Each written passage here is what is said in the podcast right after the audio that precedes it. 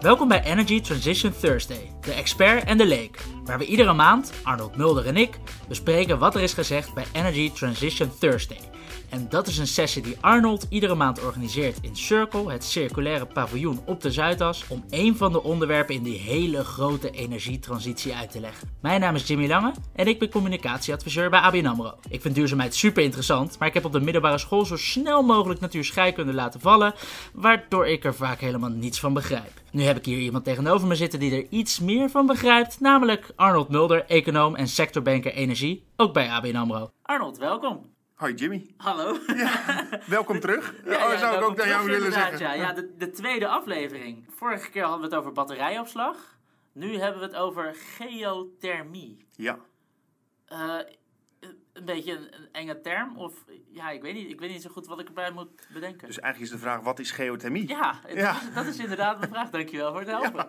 Nou, geothermie, als we dan even het woord ontleden. Geo, aarde, thermie, warmte. Eigenlijk is het niks anders dan de warmte gebruiken die in onze aardkorst zit en daarmee onze gebouwen verwarmen. In plaats van bijvoorbeeld aardgas te verbranden. Hoe, hoe, diep, hoe diep moet je dan graven? Nou, boren zou ik doen. Graven, dan, eh, dan, ben, je, dan ben je nog wel eh, even bezig. Geothermie, daar spreek je van eigenlijk als je dieper gaat dan 150 meter diep. Daarboven kun je ook wel warmte gebruiken, heet thermische opslag. Maar daaronder wordt het geothermie. Ja? En vervolgens kun je ja, eh, bijna zo diep gaan als je, als je zelf wil. Het wordt per 100 meter dat je dieper gaat 3 graden warmer. Dus eh, als je iets meer dan 3 kilometer diep gaat, dan eh, komt er kokend water of stoom omhoog. Dus eigenlijk ga je, heeft het dan te maken met die, met die gijzers die je altijd in IJsland ziet? Ja, nou, nou Die dat is een dan- perfect voorbeeld. Want Oh. IJsland verwarmt, gebruikt voor 90% van zijn warmtevraag geothermie. Dus zij zijn super duurzaam. Super duurzaam, ja. Hebben, hebben zij dan überhaupt helemaal geen olie? Door de, door de oliecrisis in de jaren 70 zijn ze eh, versneld overgestapt op eh, nou ja, geothermie, wat daar bijna natuurlijk al uit de, uit de straatstenen spuit. Eh, Klinkt heel heftig. wij, zo. wij,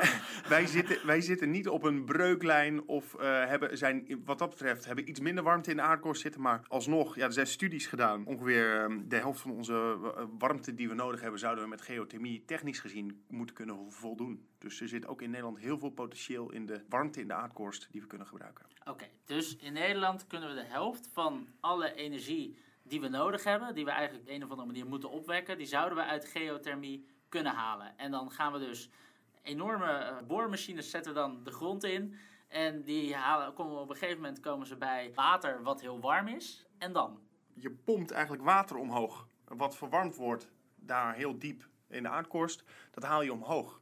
Je onttrekt de warmte uit het water als het eh, hierboven is met een, met een warmtewisselaar. Of je, laat het, hè, je, je, je gaat er een hele warmtenet aan koppelen, waardoor een hele wijk eh, warm water krijgt. En als het afgekoeld is, dat wil zeggen, eh, laten we zeggen onder de 40 graden, dan pomp je het weer terug in die aardkorst. Dat is een open circuit.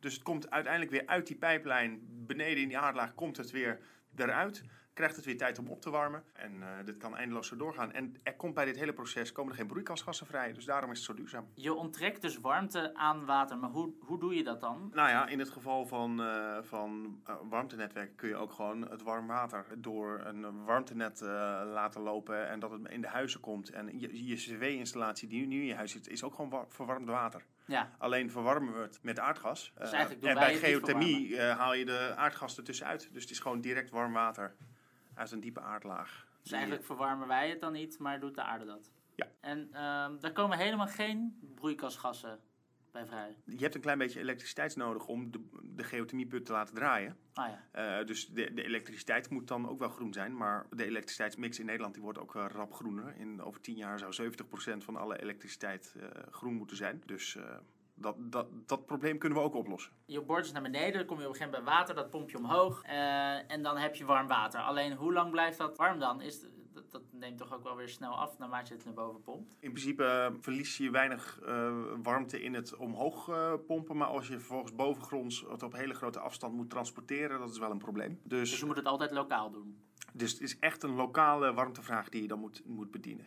Ja. Dat doe je in principe één keer, toch? En dan leg je zo'n leiding of zo'n pijp aan. Je boort eigenlijk twee putten. Want er zijn twee buizen, zou je kunnen zeggen. Eentje waar het water omhoog komt en eentje waar die weer naar beneden gaat. Oh ja. En hoe dieper de put, hoe verder uit elkaar die twee putten geboord worden. Waarom? Omdat uiteindelijk heeft daar beneden vloeit. Juist. Ja. Nou, je begint al een expert eh, te worden. De, het koude water uit de ene buis krijgt zo meer tijd om inderdaad weer op te warmen. Bijvoorbeeld van 30 graden weer terug naar 90. En dan kan het weer omhoog. Ja, oké. Nou ja, dat klinkt allemaal veelbelovend. Straks hebben we dus de helft van, eh, eh, van alle energie in Nederland... die zou zomaar uit geothermie gewonnen kunnen worden. Ehm, super duurzaam. Waarom is het straks en niet nu al? Er zijn nog best wel wat uitdagingen om geothermie zover op te schalen. En de helft, ja, er zijn zelfs studies die, die, die gaan bijna uit eh, dat geothermie eh, bijna alles kan doen. Het is maar net welke studie en welke tijdspunt, eh, of je naar 2030 of 2050 kijkt. Of, ehm, technisch gezien zou je op heel veel plekken moeten kunnen boren en warmte moeten kunnen winnen. Maar om het in de praktijk ook te kunnen doen, dat is nog best uitdagend. We hebben nu namelijk in Nederland 21 putten, waarvan er 18 operationeel zijn. Ja, we hebben er nog veel meer nodig, maar tot nu toe zijn die putten voornamelijk toegepast bij de glastuinbouw. En waarom is dat zo handig? Omdat glastuinders hebben een vrij constant volume aan warmte over, de hele, over het Ja. hele jaar nodig. En zo'n geothermieput, die pompt er ook gewoon continu een hele bak warmte uit. Dus dat, dat matcht heel goed. Maar ga je bijvoorbeeld wijken erop verwarmen... Ja, dan moet je direct een voldoende grote wijk hebben om geothermie op te- toe te passen. Je kan niet voor 10 huizen een geothermieput boren. Want waar moet al die warmte dan heen? Dus da- daar zitten heel veel uitdagingen om dat op de juiste manier op te schalen. En eh, eigenlijk de, de- het aanbod aan warmte wat je dan creëert, om dat ook te matchen aan, aan vraag. Eigenlijk hetzelfde als we in de hele energietransitie zien. Dat namelijk de vraag en aanbod, die twee met elkaar matchen, dat dat zo lastig is. Dat, dat is heel lastig. Ook omdat, ja, je hebt het dan over wijken en die hebben dan al bijvoorbeeld aardgas. Of eh, ehm, ja, en die moeten dan allemaal op hetzelfde moment over op een, eh, op een andere bron. Hoe, hoe doe je dat? Nog een ander probleem is, als jij boort, weet je, van te, weet je pas achteraf hoeveel warmte zo'n put produceert. Want misschien boor je wel mis. Of misschien blijkt er zo diep onder de grond minder warmte te winnen te zijn dan je dacht. Ehm, dus eigenlijk kun je pas dan achteraf weten hoeveel huizen en gebouwen je van warmte kan voorzien met een geothermieput. Maar je kan niet pas achteraf, als de, als de geothermieput er al staat, dan pas beginnen met het warmtenet aanleggen. Want dat zou misschien wel tientallen jaren duren. Ja, en dan staat die geothermieput eh daar voor niks. Kun je weer overnieuw beginnen tegen de tijd dat het eh, warmtenet er ligt. Dus hoe match je de bouw van warmtenetten aan de, het boren van geothermieputten? Kip en ei. Misschien is daardoor ook wel dat hele financieringsproces lastig. Ja. Omdat je dus niet weet wat je eruit haalt. Ja, en eh, bij de bouw eh, van die put, eh, daar zitten heel veel onzekerheden. Die onzekerheden zijn zelfs nu zo groot dat het nauwelijks te, te verzekeren is. En voor banken om geothermie te financieren, is het hebben van een verzekering tijdens zo'n periode weer juist weer heel erg belangrijk. Dus dat is ook een dingetje. We moeten meer zekerheid krijgen, eigenlijk vooraf, misschien door technische standaardisatie.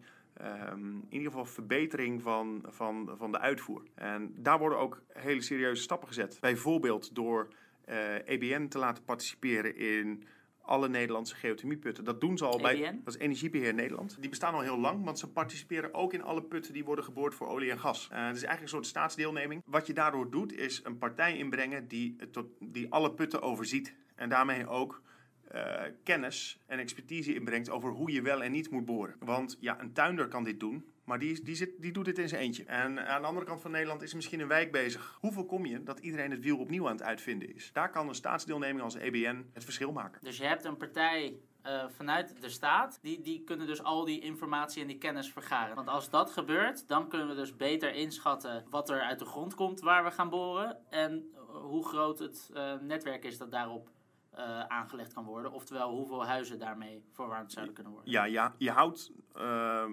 desondanks altijd nog onzekerheid. Ja. Want je, het ga je nooit zeker weten. Maar je kan je voorstellen dat ook voor financiers en eh, misschien gemeenten en andere partijen de deelneming van de EBN eh, een soort ehm, ja, dat dat vertrouwen schept. Dat doen ze al aan de olie- en gaskant. En dat moeten ze straks ook verplicht bij geothermieprojecten. En zij moeten dat straks verplicht doen van, vanuit de Vanuit wet. de wet, ja. De meerwaarde van EBN bij geothermie zit hem niet zozeer in de opbrengsten, maar vooral dus in het versnellen van de energietransitie. Want eh, dit is gewoon nodig. Een geothermieput is niet per definitie winstgevend voor de overheid. Waar dat bij olie en gas natuurlijk, als dat eenmaal draait, kun je er heel veel geld aan verdienen. Ja, Bij geothermie ja, zijn we nog niet zo ver. Nou hebben we in Nederland eh, wel eerder eh, bepaalde dingen uit de grond gehaald. En daar zijn ze zeker in het noorden van het land eh, natuurlijk best wel wat, wat last van gehad. Heb je dat met geothermie niet dan? Er is zeker maatschappelijke weerstand, ervaart men rondom geothermie. Maar daar moeten we toch wel een heel belangrijk onderscheid tussen bijvoorbeeld gaswinning en geothermie noemen. Want bij gaswinning, wat zorgt daar voor de problemen? Natuurlijk de aardbevingen. Waardoor komen aardbevingen? Omdat de druk in zo'n veld steeds lager wordt. Omdat je er iets aan onttrekt en niks terugstopt. Oh, en hier breng je natuurlijk dat, dat uh, uh, afgekoelde water breng je weer terug de stroom in. Juist, dus de druk in het veld, of in de aardlaag, blijft hetzelfde.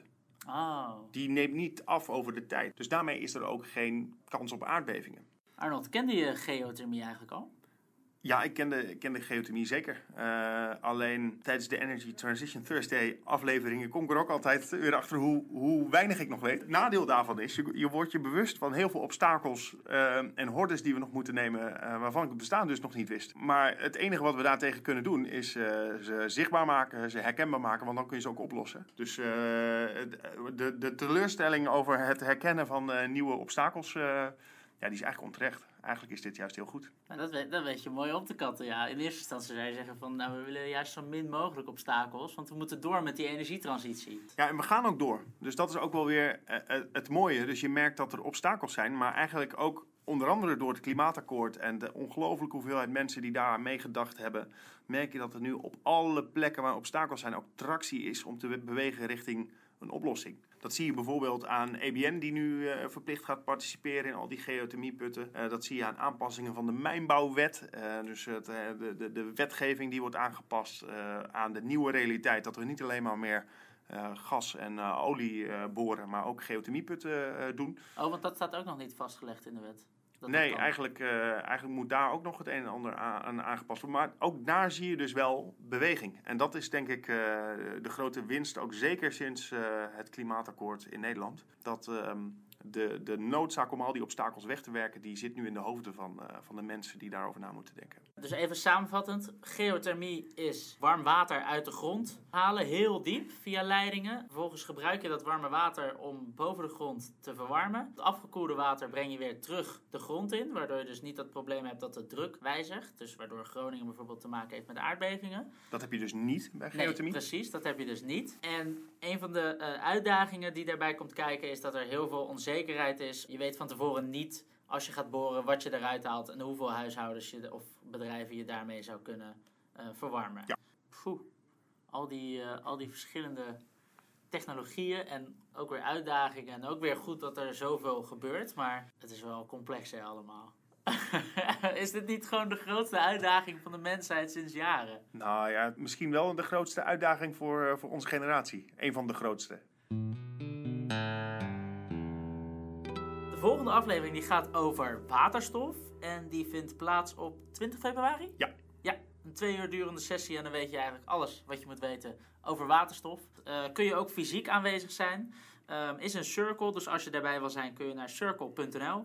En anders kun je natuurlijk gewoon weer in de podcast, uh, naar de podcast gaan. Waar we je in 10 tot 15 minuten proberen bij te praten over een stukje van die hele grote energie transitie. Je kan ons volgen op Spotify of abonneren op deze podcast op Apple Podcast. En ehm, nou, wij zijn er in, uh, in februari weer. Voor nu uh, fijne kerstdagen en, uh, en een gelukkig nieuwjaar. En laat vooral die energietransitie even bezinken. Dan kunnen we volgend jaar kunnen we weer vol goede moed ieder stukje van de puzzel opnieuw gaan leggen.